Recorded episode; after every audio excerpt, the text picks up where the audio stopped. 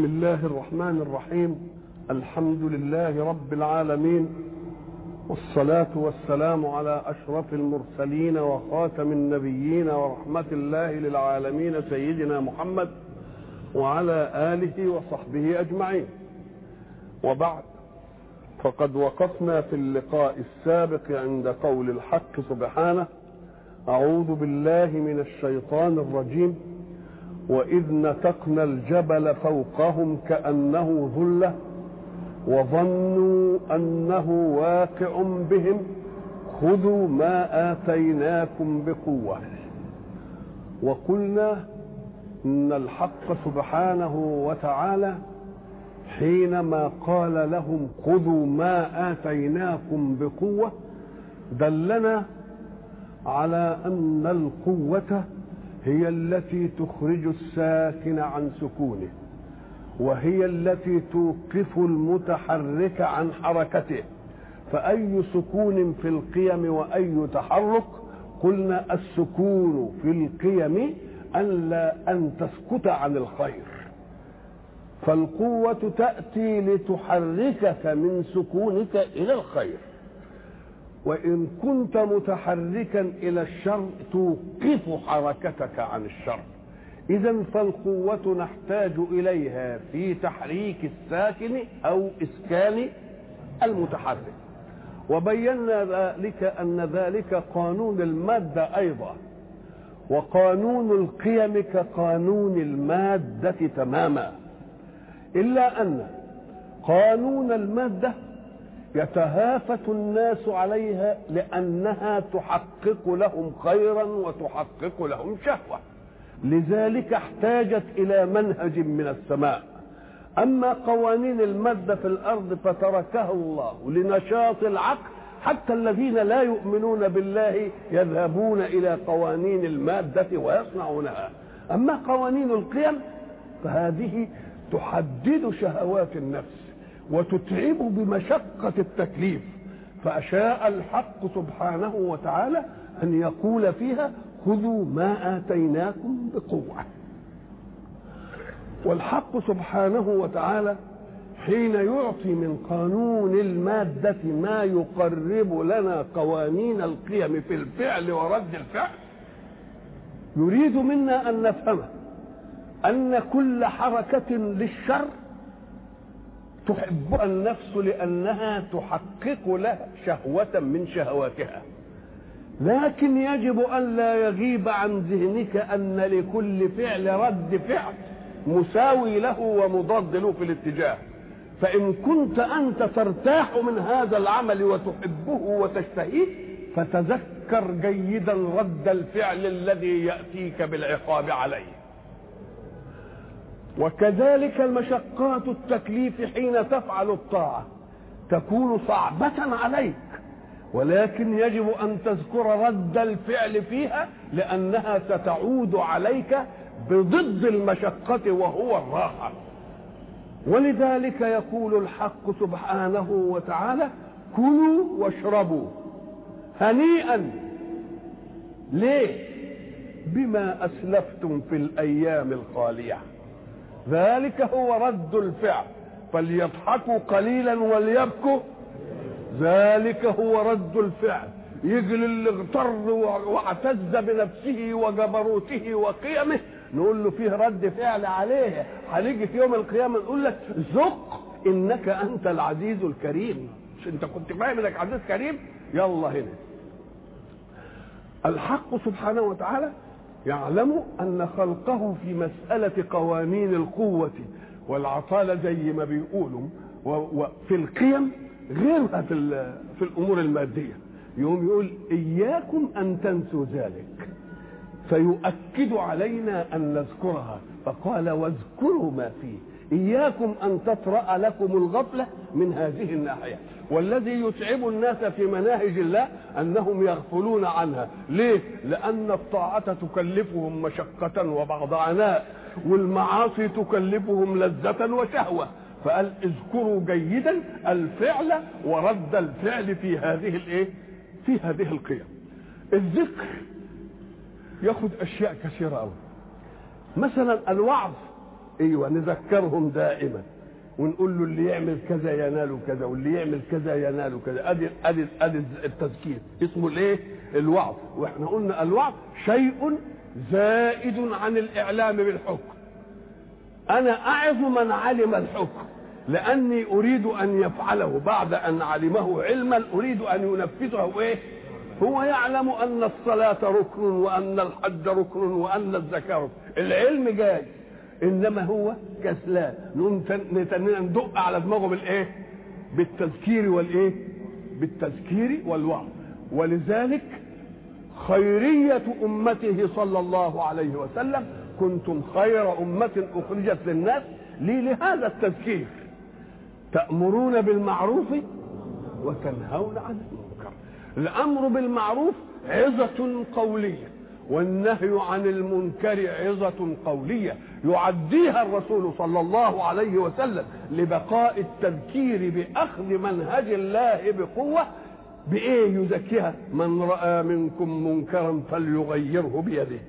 نقل المسألة من الأمر وهو القول والنهي وهو من القول إلى أن نباشرها إيه؟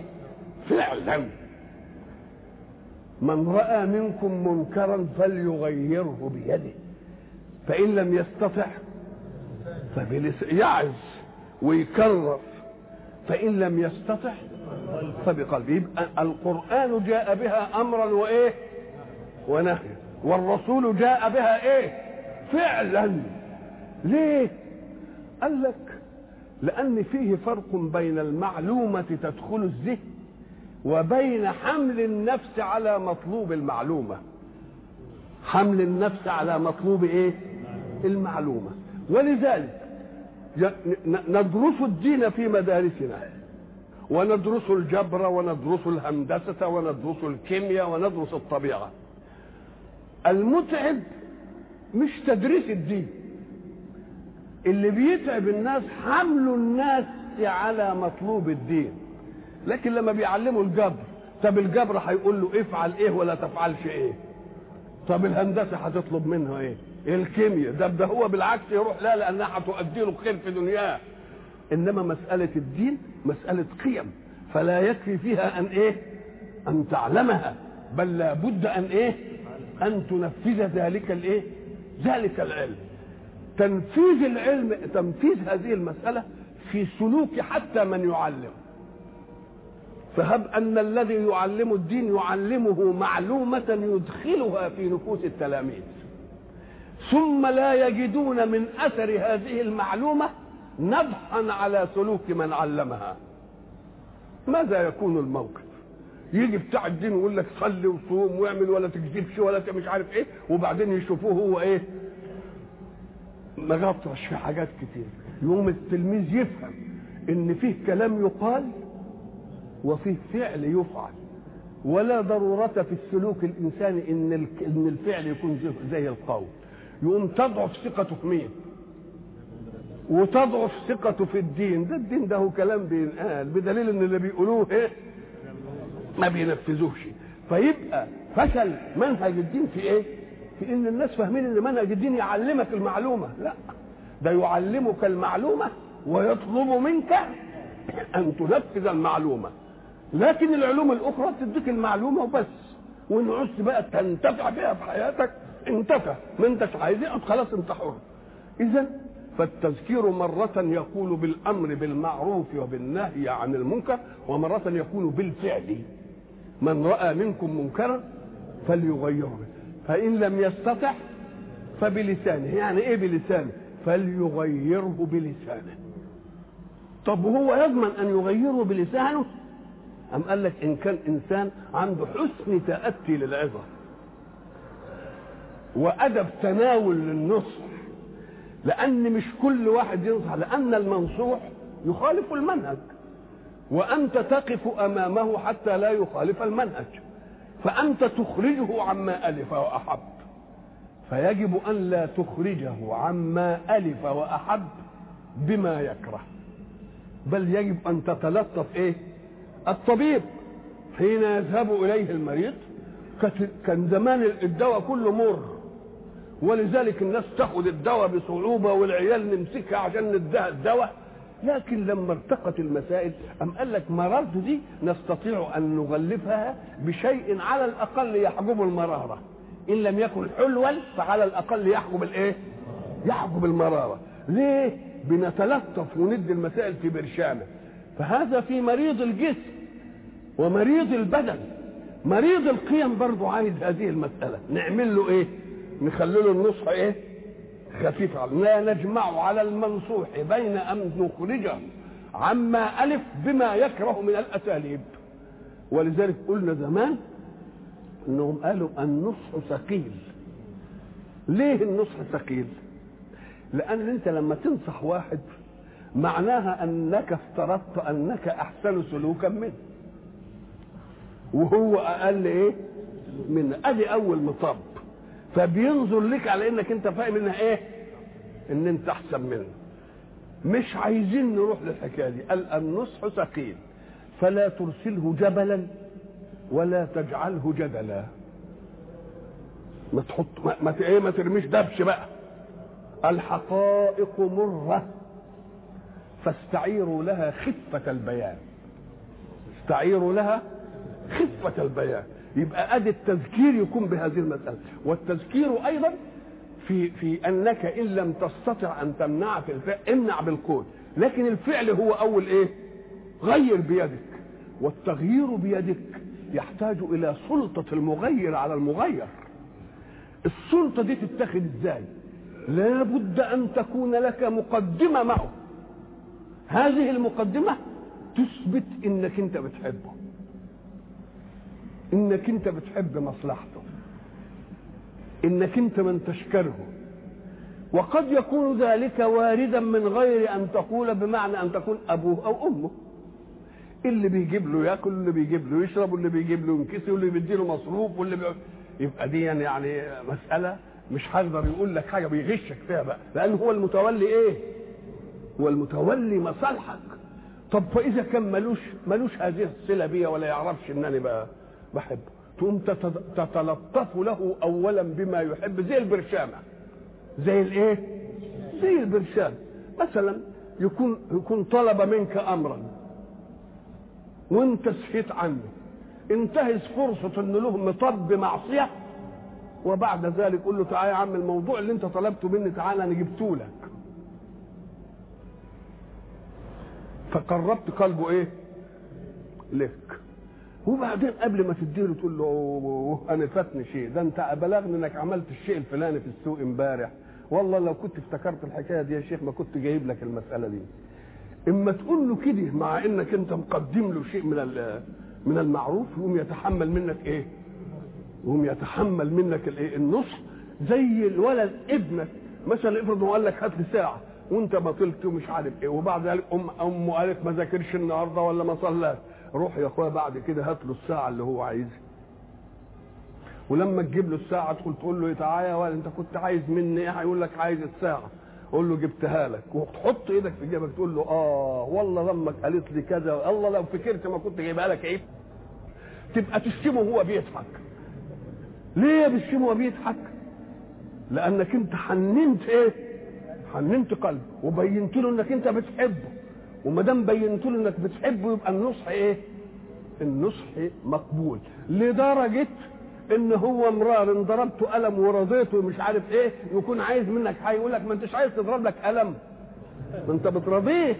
آه ما أنت بترضيه. نعم. إذا للذكر ألوان متعددة عظة بالقول و... وتغيير بالفعل وسؤال عن كل مخالف لمنهج الله. واذكروا ما فيه لعلكم تتقون. كلمة لعلكم تتقون التقوى دي قلنا إيه؟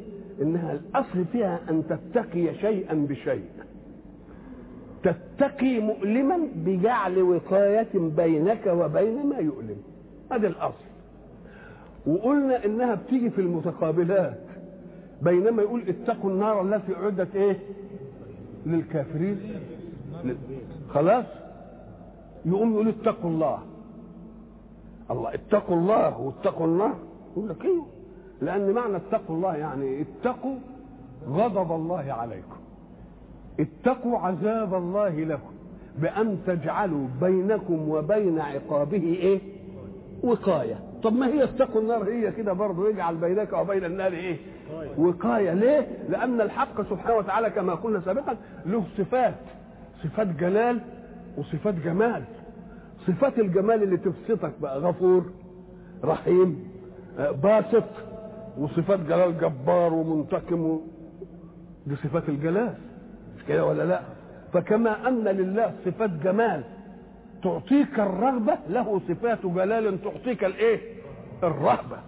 فاتق الله حتى تحجب عن نفسك متعلقات صفات الجلال التي منها أنه جبار ومنتقم. واذكروا ما فيه لعلكم تتقون. جاب إذ ثانية واحدة إذ ثانية. ديك قال وإذ نتقنا الجبل فوقهم هنا بقى إذ برضه. وإذ هنا إذا إذا قيلت يبقى منصرفة إلى إيه؟ إلى الزمن. اذكر وقت أن فعل الله كذا. اذكر إذ أخذ ربك من بني آدم من ظهورهم ذريتهم وأشهدهم على أنفسهم ألست بربكم؟ قالوا بلى. هنا وإذ أخذ ربك من بني آدم من ظهورهم ذريتهم. في آخذ هو مين؟ خلينا كده. وإذ أخذ هي ربك. والمأخوذ منه مين؟ من بني آدم. يبقى الآخذ هو مين؟ الله. رب. والمأخوذ منه مين؟ طب والمأخوذ؟ هياخد إيه من بني آدم؟ ربنا هياخد إيه من بني آدم؟ نشوف كده النص. وإذ أخذ ربك أدي الآخذ. من بني آدم أدي المأخوذ منه. أخذ إيه منهم؟ ذريتهم. خلاص كده عرفنا العناصر اهي خدوا لأن هنا بشوية مطبات عايزين نفهمها كويس. وإذ أخذ ربك الرب هو الاخذ من بني آدم بني آدم مأخوذ منه. طب والمأخوذ إيه يا ربنا؟ الذرية. ذرية مين؟ ذرية بني آدم. طب نشوف بنو آدم دول هم إيه؟ بنو آدم أولاد آدم. من لدنه إلى أن تقوم الإيه؟ طب وذريته هم إيه؟ وذرية آدم هو هم إيه؟ طب ما هم برضه برضه اولاده من لدنه إلى أن تقوم. يبقى هنا اتحد المأخوذ والمأخوذ منه. مفهوم الكلام ده ولا مش مفهوم؟ أهو. وإذ أخذ ربك الله هو الآخذ. أخذ من مين؟ أخذ إيه؟ ذريتهم. طب نشوف بني آدم اللي هو مين؟ هم مين؟ من أولاد آدم إلى أن تقوم مين؟ طب وذريتهم اللي هم مين؟ طب ما هم هم برضه أولاد آدم إلى أن تقوم الساعة. يبقى اتحد المأخوذ إيه؟ والمأخوذ منه. مفهوم الكلام ده؟ يبقى لازم نشوف هنا تصريف في هذا النص. لأنه يشترط أن يكون المأخوذ منه كلا والمأخوذ بعضه. أنا أخذت منك كذا. يبقى المأخوذ إيه؟ المأخوذ منه الكل. والمأخوذ بنفسه البعض. إنما هنا المأخوذ هو عين الإيه؟ المأخوذ منه. أم قال لك جاء سيدنا رسول الله صلى الله عليه وسلم فأزال الإشكال في هذه الآية. قال إيه؟ إن الله مسح على ظهر آدم وأخرج من صلبه ذريته. مسح على ظهر آدم وأخرج من صلب ذريته وأشهدهم على أنفسهم. ألست بربكم؟ قالوا بلى. الله. اذا ذرية آدم اتخذت منين؟ إيه؟ آه قال لك طب تعالى بقى نشوف كده. هو إحنا زي ما قلنا زمان. أنا مثلا ولدت من أبي.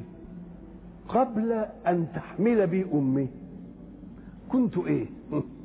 ذرة في ظهري وأبويا كان ذرة في ظهري وأبوه كان ذرة في ظهري لحد مين بقى إن شاء الله؟ لحد آدم. يبقى كل واحد مأخوذ من ظهره ذرية. كل واحد مأخوذ من ظهره إيه؟ بس فيه. ناس يؤخذون كذرية ولا يؤخذ منهم. اللي هم مين؟ اللي هيبقى آخر الجيل اللي هتقوم عليه الساعة. اللي مش هيخلف بقى. يبقى فيه واحد يبقى آخذ ومأخوذ منه مش كده؟ آدم مأخوذ منه.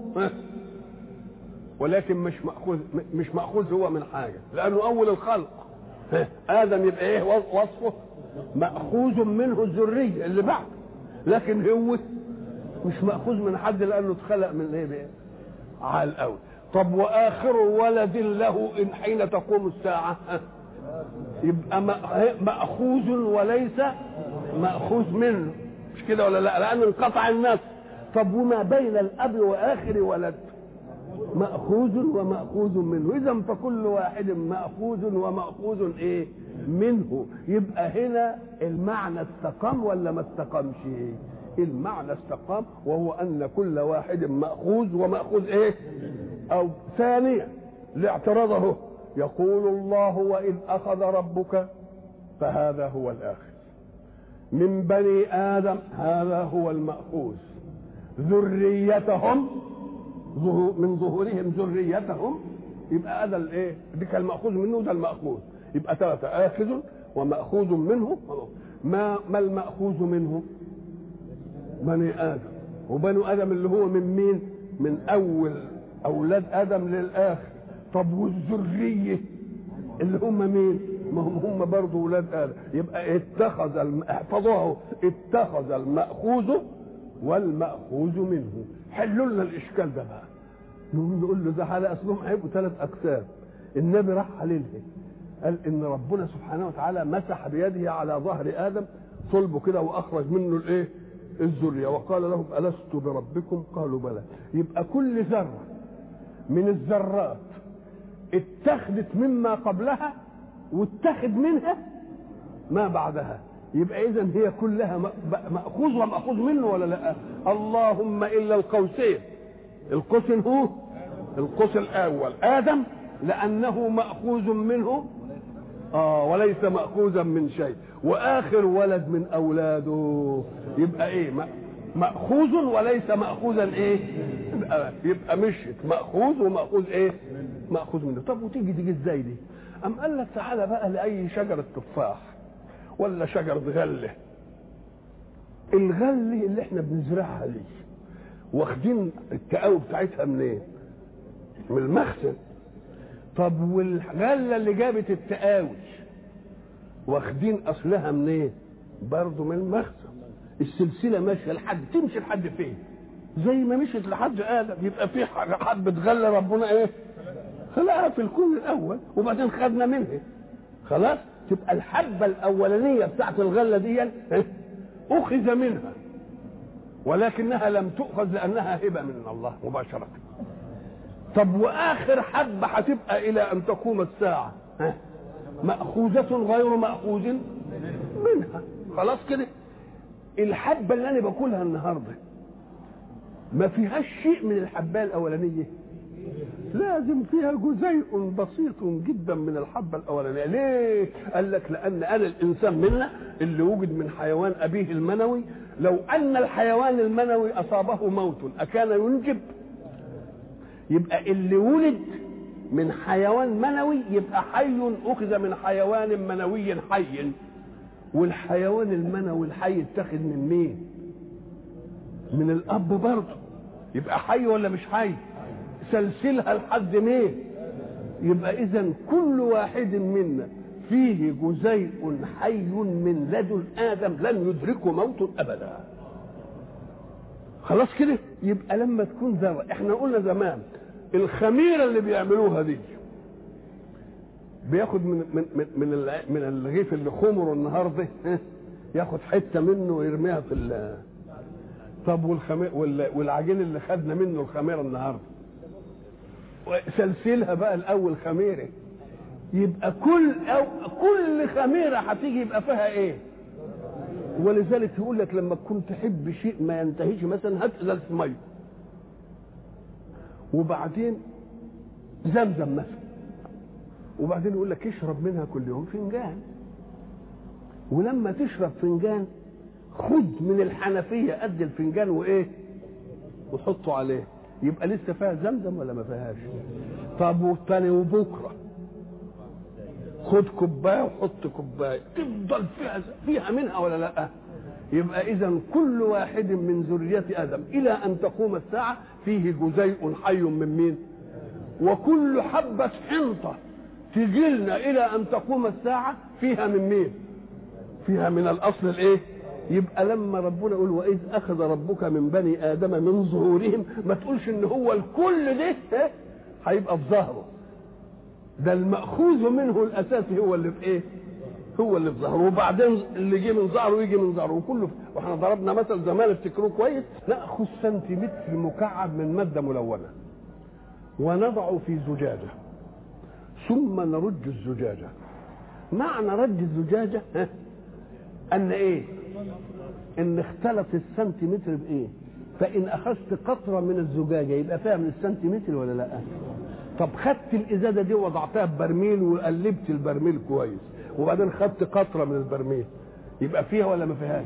خدته في بحر ورميته وقلبت البحر كويس يبقى خدت ولا آه اذا التناسل التناسل التكاثري لأن ما دام كل شيء يتكاثر يبقى وجد من أقل وجد من أقل. يبقى الأقل فيه الأكثر مطمور ولا لأ؟ يبقى فيه الأكثر إيه مطمور؟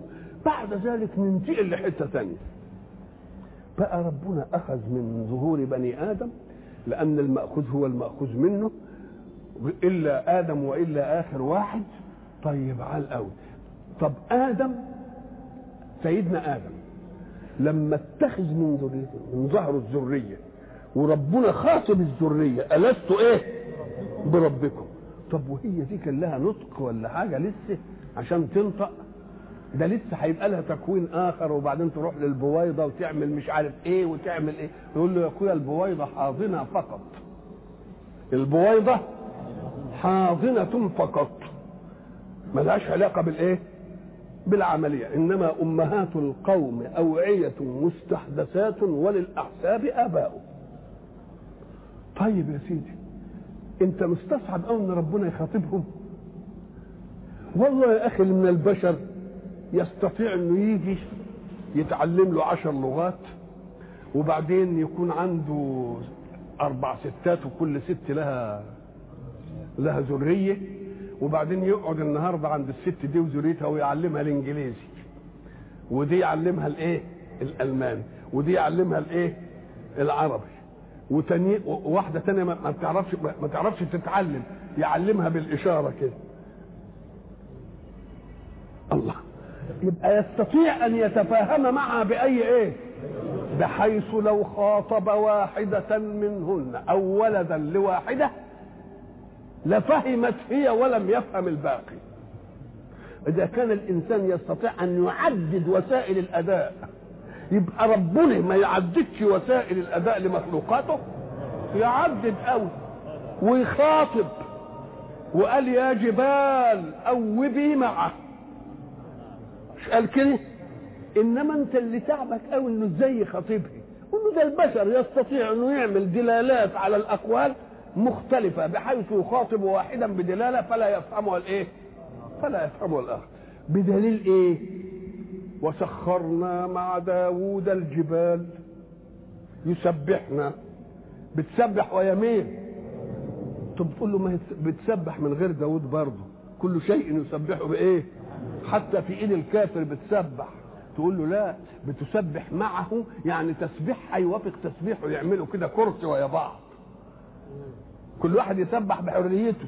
إنما وسخرنا مع داوود الجبال إيه؟ يبقى ويا بعض كده. يا جبال اوبي معه يعني رددي معه زي الكرسي ما بي إيه؟ ما بي بيردد. ودي مش بس دي الله إذا كان ربنا أوحى إلى النحل أن اتخذي من الجبال. مش كده؟ الله. يبقى إذا لله في خلقه أدوات خطاب. ما تفهمش إنه ما يعرفش إلا اللغة العربية. ده له خطاب بألفاظ وخطاب بإشارات وخطاب بإلهام وخطاب بوحي. فإذا قلت إن هو قال لهم ألست بربكم يبقى هو قال لهم باللغة التي ما قالش للسماء والأرض ائتيا طوعا أو كرها ثم استوى إلى الإيه؟ إلى السماء وهي دخان فقال لها وللأرض ائتيا طوعا أو كرها. قالتا قالتا أتينا طائعين. مش كده حصل؟ طيب النملة. ما كلمتش. وبعدين سليمان فهم كلامه. يعني يعني لو ما كانش ربنا علم سليمان فهم كلامها ما كناش جرينا إن النملة دي اتكلمت. قالت نملة يا أيها النمل ادخلوا مساكنكم. ها؟ لا يحطمنكم سليمان وجنوده. وشوفوا فهمه. لأن سليمان نبي مش هيعتدي على خلق من خلق الله. قال لك لأنكم ذر ضئيل جدا يدوس عليكم ولو الجاري إنه داس على حاجة وهم لا. الله إذا دي نبطشية ده يدبان واقف عشان يحرس ال آه يبقى والهدهد برضه قال إيه؟ آه وجدتها وقومها يزب الله اذا الله يخاطب جميع خلقه ويجيبه جميع خلقه. فما تقولش إزاي خاطب الذر والذر لسه مش مكلف والذر طب تعالى بقى العلماء اللي ما حبوش يدخلوا في هذه المسألة وعشان دي بعيدة عن العقل إن ربنا يخاطب الإيه؟ يخاطب الذرات دي وتقول ويقول ألست بربكم؟ قالوا بلى. أم قال لك ده يبدو إن المسألة آه المسألة تمثيل للفطرة المودعة في النفس البشرية. الفطرة المودعة في الإيه؟ في كأن الله أودع في النفس البشرية والذات الإنسانية فطرة. هذه الفطرة تؤكد له أنه وأن وراء هذا الكون إله. مش ممكن إلا يكون كده. الله تبقى إذا الفطرة وإحنا قلنا إيه زمان؟ قلنا هب أن طائرة وقعت بك في مكان منعزل لا فيه لا أكل ولا شرب ولا أنس ولا أنيس ولا حاجة. وبعدين أصابك غم من هذه الحالة فنمت. ثم استيقظت. فوجدت مائدة عليها أطايب الطعام والشراب. بالله قبل ما تمد إيدك مش تتلفت تشوف مين اللي عملها دي؟ إزاي جت دي مين اللي عمل؟ آه. كذلك الإنسان الذي طرأ على هذا الكون الحكيم الصن البديع التكوين ما كانش ما يسألش نفسه يقول طب مين دي؟ إحنا قلنا امبارح إن لمبه الكهرباء عايزة إيه؟ أجهزة لا حصر لها وعلماء لا حصر لهم وإمكانيات عشان تعمل لنا بتاعة تنور لنا ثلاثة في أربعة أوضة ثلاثة في أربعة. طب ما شوف أنا الشمس اللي عمالة تنور دي ولا بتتكسر ولا بيجرى لها أي حاجة ولا بنحاول نشحنها ولا وبتنور نصف الكرة والنصف الثاني برضه إيه؟ بتنوره برضه يبقى بتنور كل الدنيا ولا مش كل الدنيا؟ الله يبقى ما شوفش دي مين اللي عملها وخصوصا لم يدعي أحد أنه صنعها؟ الله هو أنا اللي خلقت الأرض وخلقت الشمس وخلقت القمر. يا يكون الكلام ده صح؟ فبها يا ما يكونش صح. والعياذ بالله. نقول طب اللي خلق فين بقى إن شاء الله؟ دري إن في واحد خد منه الصنعة دي ونسبها لنفسه ولا ما دريش والله ما كانش دري يبقى لا نايم على ودنه ده. طب وإن كان دري ما قالش لا لا ده اللي عامل ليه؟ واذا الدعوة إذا لم يقابلها معارض يبقى تسلم لصاحبها وأنه لا إله إلا الله. يبقى الفطرة بتهدينا إن في وراء الكون العظيم دي قدرة تناسب العظمة دي. قدرة تناسب الدقة اللي موجودة. الدقة اللي إحنا خدنا من دقتها موازين لدقتنا. إحنا خدنا من دقة موازين الكون موازين لإيه؟ الأفلاك دي والافلاك دي. خدنا منها إيه؟ مقياس الزمن. خدنا منها مقياس الإيه؟ الزمن. ليه؟ عملنا ليل ونهار وعملناها استملال ساعات ليه؟ إن ما كانتش معمولة بدقة. كنا نقدر ناخدها مقياس زمن. طب خد ساعة كده مخلولة وبعدين تاخدها عشان تعملها مقياس زمن. يقول لك يا شيخ ده ساعتك خربانة. تبقى لازم الساعة اللي عايز اخد بها مقياس زمن لازم تكون إيه؟ لازم تكون مضبوطة. ولذلك إحنا قلنا سابقا حينما تعرضنا لقول الحق سبحانه وتعالى الشمس والقمر بحسبان. مش كده؟ قلنا إن بحسبان دي وردت مرتين. إنه قال عليها انني جعلت الشمس والقمر إيه؟ حسبانا. وأنا خلقت الشمس والقمر بحسبان. يبقى إحنا بناخد منها إيه؟ الحساب. لتعلموا عدد السنين والإيه؟ والحساب. يعني عملناها مقياس. طب وإحنا نعملها مقياس إن هي مخلوقة بحساب أيضا؟ يبقى الشمس والقمر بحسبان يعني مخلوقة بإيه؟ ولذلك اجعلوا الشمس والقمر إيه؟ حسبانا يعني حساب. يبقى بالشكل ده يبقى لازم كنا نلتفت على أن في قوة وراء هذا العالم تناسب عظمة هذا الإيه؟ عظمة هذا العالم. لكن أنا اعرف ماذا تريد هذه القوة بالعقل؟ طب العقل هداني إلى إن وراء القوة دي قوة أعلى منها هي اللي وضبتها وهي اللي وهي واللي. طب تعرف اسم القوة دي إيه؟ اسم القوة ينعرف بالعقل. نفكر كده نقول القوة دي اسمها إيه؟ أنا قلت عليها قوة إنما اسمها إيه ما نعرفش. طب عايزة إيه؟ برضه ما نعرفش. يقوم كان ولا بد أن نفهم فهما آخر. إن وراء الكون ده قوة والقوة دي لها مطلوبات منه. المطلوبات دي نستطيع أن نفهمها بعقولنا. لا يبقى لازم فيه رسول. لازم إيه؟ رسول. يقول لي القوة دي اسمها إيه؟ يقول القوة دي اللي خلقتكم اسمها إيه؟ الله. وصفاته كيت وصفاته كيت وصفاته. طب وعايز منا إيه يا سيدني؟ عايز منكم كذا وكذا وما خلقت الجن والإنس إلا ليعبدوا. هذه أمور كانت تدرك بالعقل. أنا أعقل إن وراء الكون قوة والقوة دي عايزة خمس أركان منا ونصلي ونصوم؟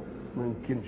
يبقى اذا الذي يطلب منا حاجتين اثنين إيمان بقوة خالقة وراء هذا الكون هي اللي خلقته وده العقول الفطرية إيه؟ تستوي فيه. ومنهج لهذا الإله وده يبقى لازم له رسول. لازم؟ فإن كانت قوة بس الفلاسفة عملوا إيه؟ ما هم الفلاسفة اللي تعبوا الدنيا قال لك إن وراء الكون ده قوة ونبحث فيها اللي إحنا سميناها الميتا إيه؟ الميتافيزيقا وراء الكون وراء المادة. تقول له يا أخويا يا فيلسوف ومن الذي قال لك إن وراء المادة شيء يجب أن تبحث عنه؟ وانعملت مدارس عشان تبحث عن القوة اللي وراء المادة دي. نقول له أهي الفطرة هي اللي قالت لك. الإيه؟ الفطرة اللي قالت لك بالعقل كده لازم يكون وراء الكون ده ليه؟ لأن الكوباية اللي عن صفاتها كت وكت وكت دي عايزة مصانع وعلماء وإمكانيات، يبقى الشمس ده عايز إيه؟ لازم عايزة قوة جامدة أوي أوي. طيب وبعدين؟ أم قال لك عايز يتصور هذه القوة. الفيلسوف عايز يعمل إيه؟ يتص... نقول له أنت بقى خرفت. لأن فرق بين أن تتعقل الأشياء وبين أن تتصور الأشياء. تعقل على العين والرأس وراء الكون قوة أيوه. كان واجبك بقى تقول القوة دي مش كان من الواجب إنها تدللنا على نفسها عايزة منا إيه ولا هي إيه؟ مش كان يبقى الفيلسوف كان يجب يعمل إيه؟ كان يجب إن هو يرهف أذنه علشان يتطلب حد يفك اللغز ده. القوة دي إيه؟ وعايزة إيه؟ هو لا ما عملش كده. هو قال وراء الكون قوة وقعد يتصور هو الإيه؟ القوة. ويقول لك نعمل كذا ونعمل كذا من عنده. نقول له هذا هو الإيه؟ التعب. لأنك خلطت بين تعقل وجود قوة وراء المادة وبين تصور هذه القوة. وضربنا المثل اللي أحب ما تنسوكش أبدا إننا إذا كنا قاعدين في حجرة والحجرة دي مسكوكة وضرب الجرس. ساعة ما يضرب الجرس كلنا يجمع على أن طارقا بالباب. اسمه إيه ده؟ تعقل. إنما أنا أستطيع أن نتصوره رجل امرأة شاب شيخ بوليس مدني عايز يعمل في الأرض. نختلف ولا ما نختلفش؟ فاختلفوا في التصور. وإن كانوا اتحدوا في مين؟ في التعقل. نبقى نقول لهم يا فلاسفة أنتم أولى الناس بأن ترهفوا آذانكم لمجيء رسول يحل لكم لغز هذا الكون والقوة اللي وراء هذا الكون وماذا تريد منا وإلا فقوة وراء الكون خلقته وبعد ذلك ما نعرفش عنها حاجة لا اسمها ولا صفتها ولا مطلوباتها يبقى ده عبث في الإيه؟ عبث في الكون. وإذ أخذ ربك من بني آدم من ظهورهم ذريتهم وأشهدهم على أنفسهم شهادة الفطرة. أمر بالإيه؟ أمر بالأمر بالفطر. العيل الصغير اللي اللي, اللي بعد ما يكون ذرة يعني صغير كده لما يجي يلاقى أمه هي اللي بترضعه. طب ده هو لما كبر كده لما لما جه لما اتولد وجه يرضع هو اللي قاعد يدعبس في إيه؟ ويمكن أمه نامت ولا حاجة ودعبس لحد ما لقى الإيه؟ لقى البز بالفطرة كده بالغريزه قال وهديناه الايه ويمكن أمه لسه نايمة. تعبت من مش عارف إيه وتعبت والواد يا اتقلب كده وقعد يعمل وبعدين راح لا إيه؟ ما مسكش صباعها. ها؟ إنما مسك إيه؟ مسك بالذهن بالإيه؟ بالفطرة وبالغريزه والفطرة والغريزة دي هي اللي بتصن في حاجات كتير في رد الفعل الانعكاسي زي ما قلنا إن جه واحد لعيل صغير لسه ما فكرش إن الصابع يمكن يخزى إلى إيه ما عرفش الحكاية دي. وتخليه كده هو ان هو تعمل له بصبعك عند عينه كده يعمل إيه؟ يغمض من غير ما يعرف أي حاجة ولا بمجرد عينه ما ما أدت مهمة الضوء يعمل الإيه؟ العملية. تبقى دي بالإيه؟ بالغريزة المطبوعة فيه. فكذلك غرائزنا قبل أن نتكون هذا التكوين اللي له عقل وله مش عارف إيه وبتاع دي ونحن زرع تؤمن بفطرة بوجود قوة وراء هذا الكون. لازم هذه القوة أن يوجد مبلغ عنها. اللي هو مين؟ اللي هو الرسول. يبقى الفطرة تدلنا على تعقل قوة. والمنهج النبوي الذي يجيء بواسطة البلاغ عن الله يبين لنا الإيه؟ التكاليف المطلوبة لهذه الإيه؟ لهذه القوة. وإلى لقاء آخر إن شاء الله.